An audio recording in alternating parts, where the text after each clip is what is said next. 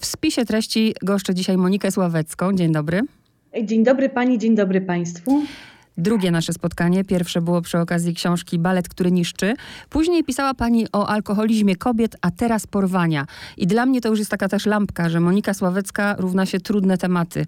Dlaczego porwania? Dlatego porwania, y, ponieważ mam wrażenie, że temat y, przemilczany, temat y, taki sensacyjny w latach 90., po których został trochę zakopany, natomiast porwania się dzieją i to na wyciągnięcie ręki, a do tego jeszcze taki przykry przypadek, z którym ja też się w tej książce trochę rozliczam wraz z moimi bohaterami, to przypadek porwań rodzicielskich, które są w Polsce nagminne, które nie są regulowane prawnie, gdzie policja jest w zasadzie bezradna, a piętno, które wywołuje na dzieciach jest y, ogromne. Wypowiada się w mojej książce Jolanta Zmarzlik, to jest terapeutka specjalistka od takich krytycznych sytuacji, które mm, przytrafiają się dzieciom, to są właśnie porwania, to są gwałty czy wykorzystywania seksualne. I pani Zmarzlik w bardzo taki jasny i logiczny sposób pokazuje też mechanizmy działania dziecka mm, w przypadku porwania. Najczęściej to jest w przypadku ojców, którzy w ramach zemsty, w ramach rozliczeń za nieudane pożycie małżeńskie porywają dziecko i w taki, mm, taki bardzo uświadamiający sposób e, pani e, Zmarzlik mówi o tym, jakie to wywołuje traumy, zarówno na dziecku, jak i na jego przysz przyszłości, jak ważna w tym przypadku jest terapia. I w ogóle w przypadku e, moich bohaterów istotnym czynnikiem, jak idzie o mm, proceder porwania, jest e, fakt, że porwanie to nie tylko ten moment, w którym ginie osoba nam bliska e, bądź daleko, o której słyszymy, tylko konsekwencje tego procederu ciągną się później e, przez bardzo długie, czasami lata. Mhm. Usystematyzujmy jeszcze słuchaczom, kiedy zobaczą książkę, co w niej znajdą, bo oprócz tego, że właśnie znajdą wstrząsające historie osób uprowadzonych, oprócz tego, że znajdzie się głos terapeutki, jak pani powiedziała, to jeszcze głos oprawcy. Zgadza się. Ja dotarłam do jednego z...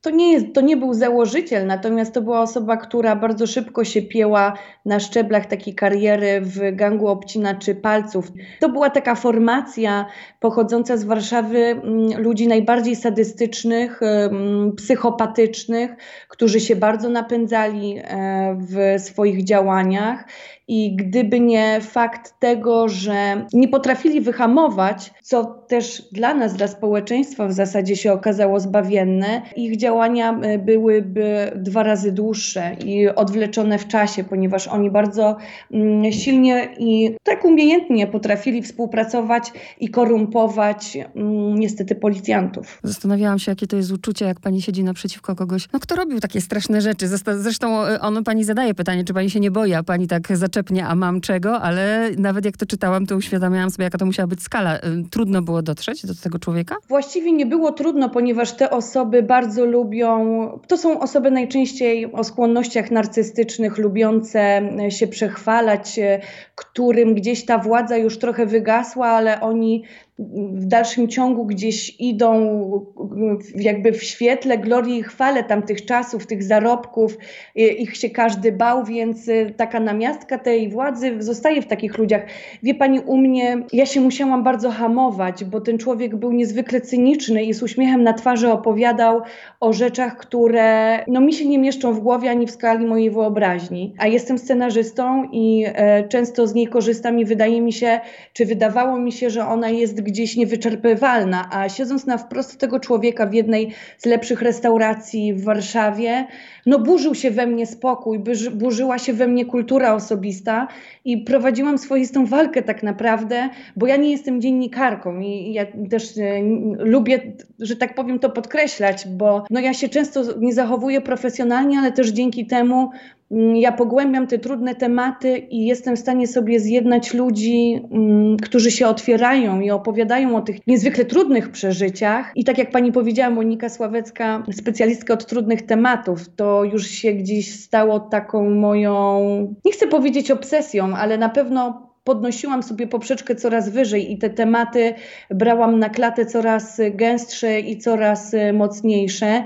Tak jak w tym przypadku, ja mówię, że 9 miesięcy spędziłam w mroku z moimi bohaterami, pracując nad tą książką, i teraz mam taki czas na rehabilitację i na taki powrót, żeby się nie wypalić po prostu, żeby dojść do siebie po tym wszystkim, bo no to książka była niezwykle wymagająca, zebranie tych wszystkich bohaterów, tych wszystkich rozmów, y, wiele ich kosztowało, wiele mnie kosztowało. Pracy, umiejętności rozmowy, y, relacji, budowania jej. Oczywiście, przecież to nie jest tak, że się spotykamy i od razu ktoś opowiada o najcięższych traumach swojego życia, więc to pewnie no, wymagało budowania tej relacji, ale ciekawi mnie bardzo ciekawy pomysł na kompozycję.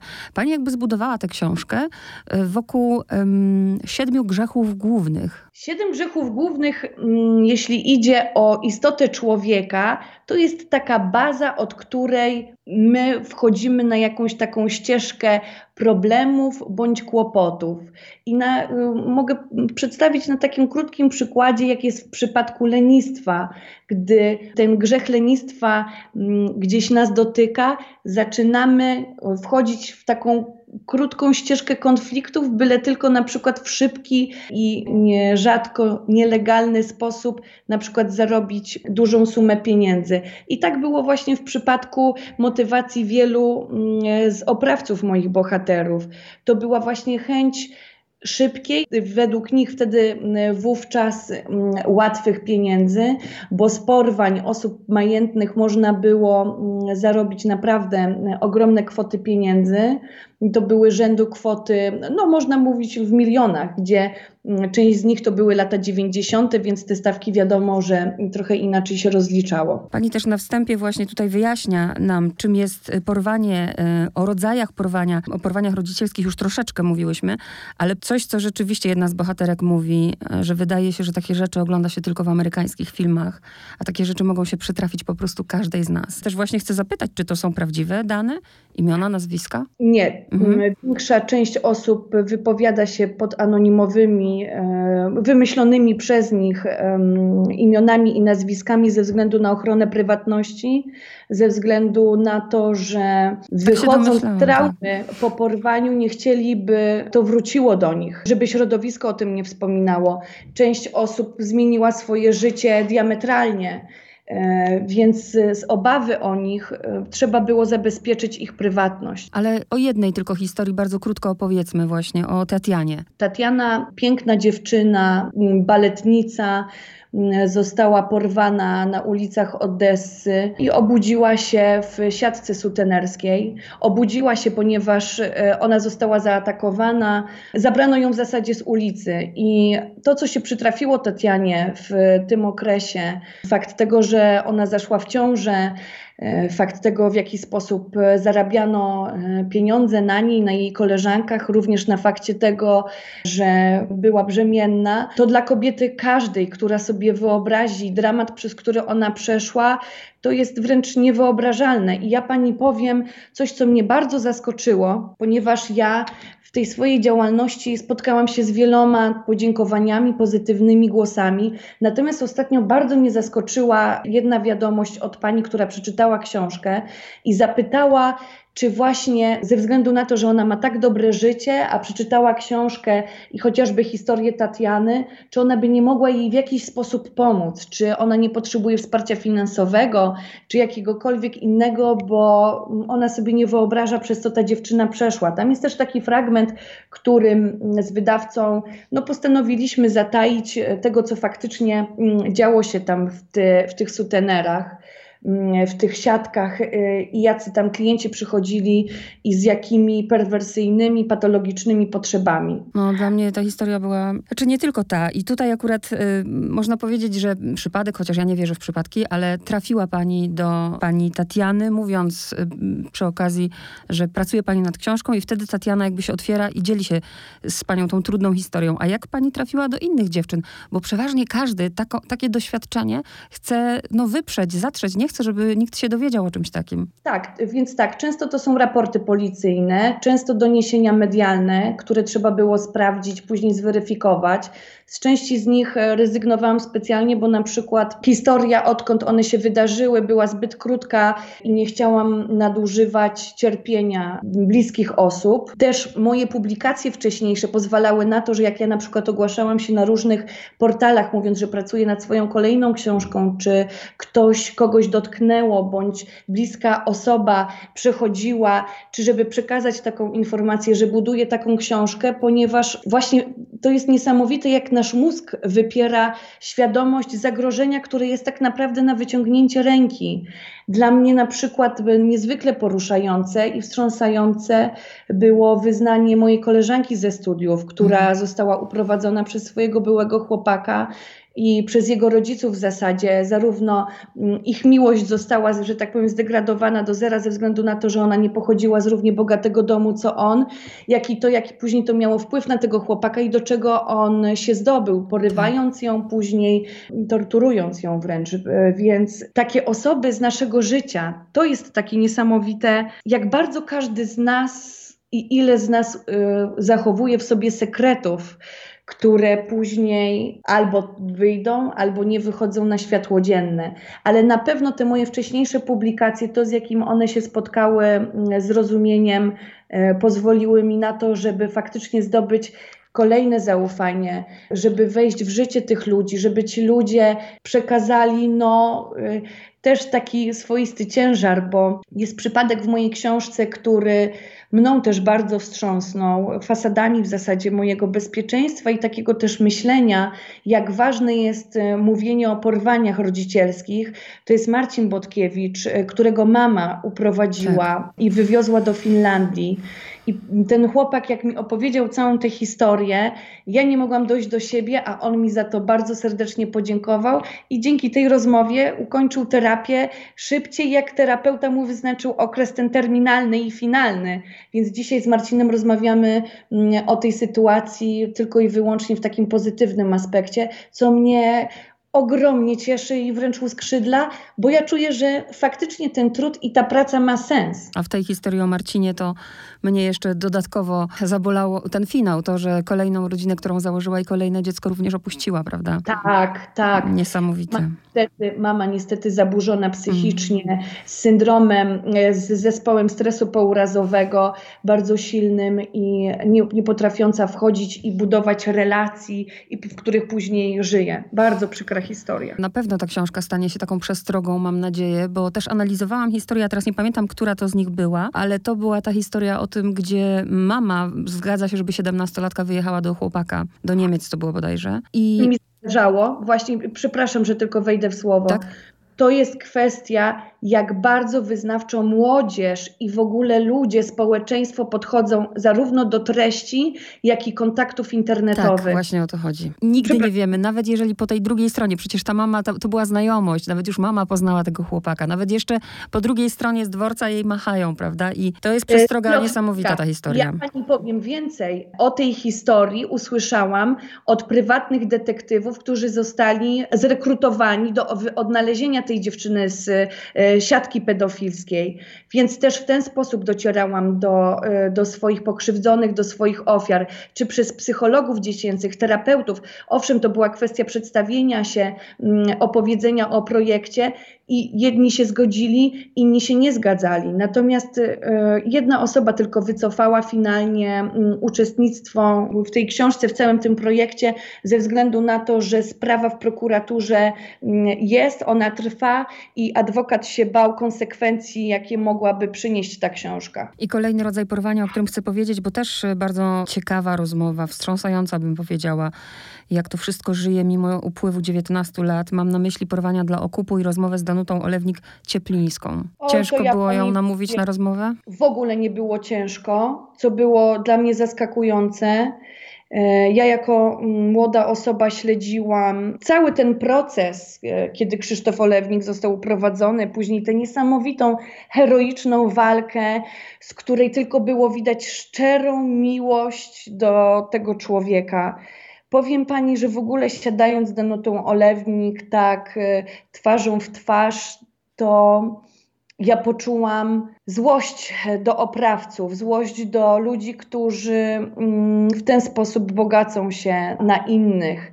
Fakt tego, że ci ludzie swoją bardzo ciężką pracą doszli do jakichkolwiek pieniędzy, zatrudniając ogromną część społeczności z drobina, skąd, jak się później dowiedzieliśmy, oprawcy się wywodzili, była dla mnie przerażająca. Fakt tego, że pani Danuta, będąc taką bardzo religijną, bogobojną, no cudowną osobą, powiedziała mi szczerze, że nie mogłaby zostać sam na sam z jednym z tych oprawców, bo ona nie wie, co ona by mu zrobiła. Nawet po tylu latach, po dwóch dekadach, oni cały czas wierzą, że ten Krzysztof zapuka, że ten Krzysztof do nich wróci. Proszę sobie pomyśleć, jak to rezonuje na przeszłość, na dzieci, na przyszłość, na teraźniejszość.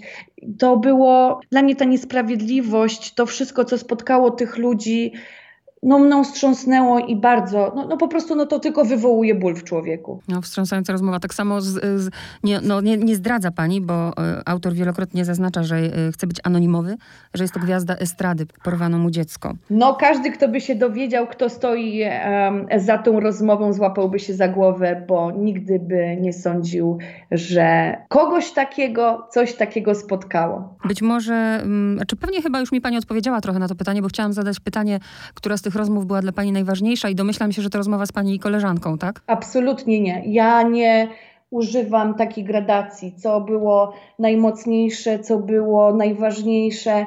Dla mnie każda z osób, która się zdecydowała, żeby ich te straszne przeżycia wyszły z piwnicy, y, stanowi dla mnie wzór i wzbudza we mnie tylko i wyłącznie szacunek, y, wyraz wdzięczności, bo ja mówię, niech ta książka dotrze do świadomości jednej osoby, niech ona uchroni jedną osobę. I to mówię z obu stron, taką, która, której się uroi kiedyś w głowie pomysł zrobienia rzeczy tak prymitywnie złej, jak i takich wybryków dziecięcych. Ja pani powiem najświeższą historię z wczoraj, jak mnie moja przyjaciółka z wanny wyprzegoniła.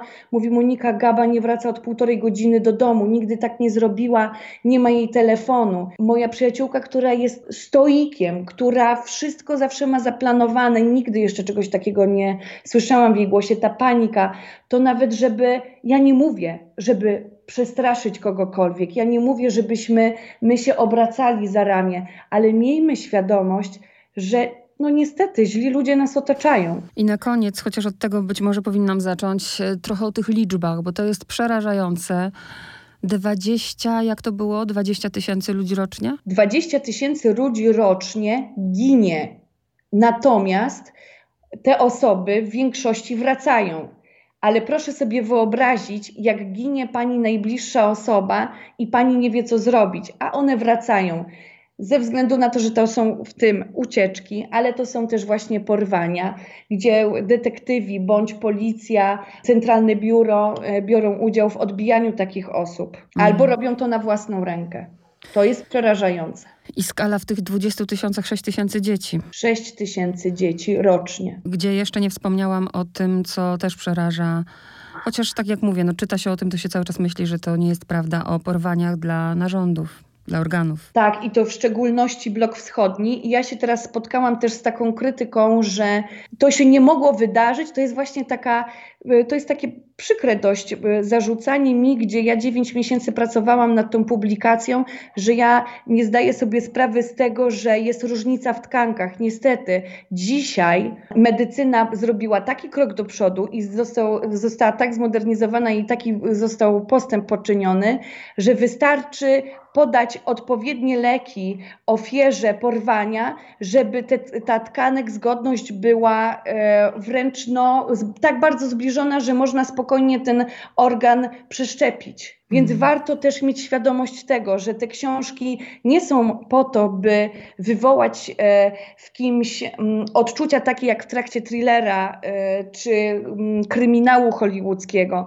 bo to nie jest po to robione. Nie po to się rozmawia z tymi osobami, nie po to się uświadamia ten fakt. No i na koniec, e, może mi Pani oczywiście nie odpowiedzieć na to pytanie i z tym się liczę, ale naturalna ciekawość pcha, żeby je zadać zadedykowała Pani tę książkę śledczym z Archiwum X, dzięki którym związana z moją rodziną, mroczna tajemnica towarzysząca mi od narodzin w końcu ujrzał świat, światło dzienne. Bardzo enigmatycznie to zabrzmiało. Czy ta mroczna tajemnica rodzinna związana jest z porwaniami? Nie z porwaniem. Ja też dzisiaj e, mówię w emocjach i może dość chaotycznie, ponieważ e, dwie godziny temu tak naprawdę skończyłam rozmowę właśnie ze śledczymi, którym w końcu mogłam też e, przekazać tę książkę.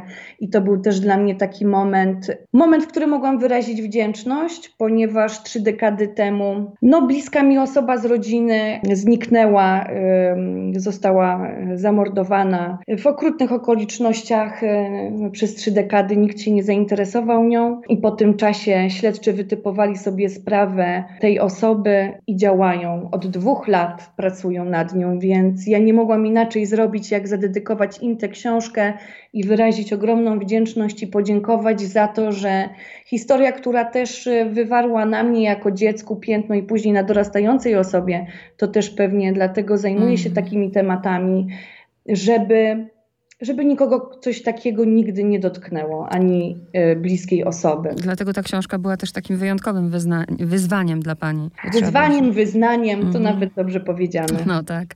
No to y, co teraz będzie brane na warsztat, jeśli są już jakieś plany? Absolutnie. Teraz y, wyłącznie zagłębiam się z powrotem w świat filmu i scenariuszy. Póki co od reportaży muszę odpocząć, bo mówię, te dziewięć miesięcy to był naprawdę mrok, to była bardzo trudna praca. To proszę sobie wyobrazić, że e, ja się musiałam z każdą z tych osób e, spotkać nie raz, ale kilka.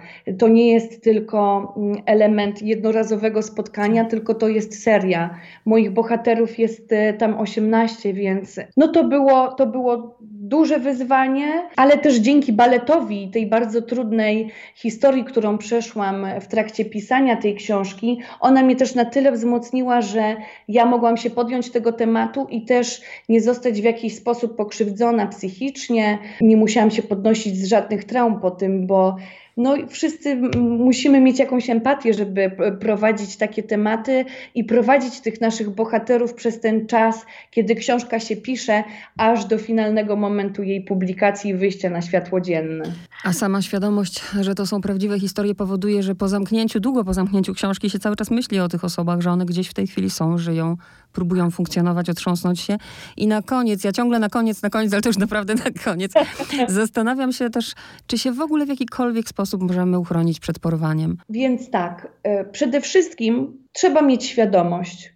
Druga kwestia, ja nie mówię, bo nie jesteśmy w stanie mieć oczy mm, e, e, szeroko otwarte przez 24 godziny na dobę, ale już sam fakt tego, że niebezpieczeństwo i sytuacja kryzysu na całym świecie sprawia, że ludzie wpadają na najbardziej skrajne i dziwne pomysły, musi w nas gdzieś tak wewnętrznie nawet taki impuls wywołać, żeby dbać o siebie, dbać o swoich bliskich. Jeśli mamy dziecko, ja też nie mówię, żeby popadać e, w skrajności, ale nawet takie zwykłe śledzenie dziecka, to nie jest, ja nie uważam, żeby to było coś złego, ale warto wiedzieć, wiedzieć, gdy, gdzie to dziecko jest. Przecież to jest nasz największy skarb. Dziękuję bardzo. Monika Słowecka była gościem spisu treści. Dziękuję.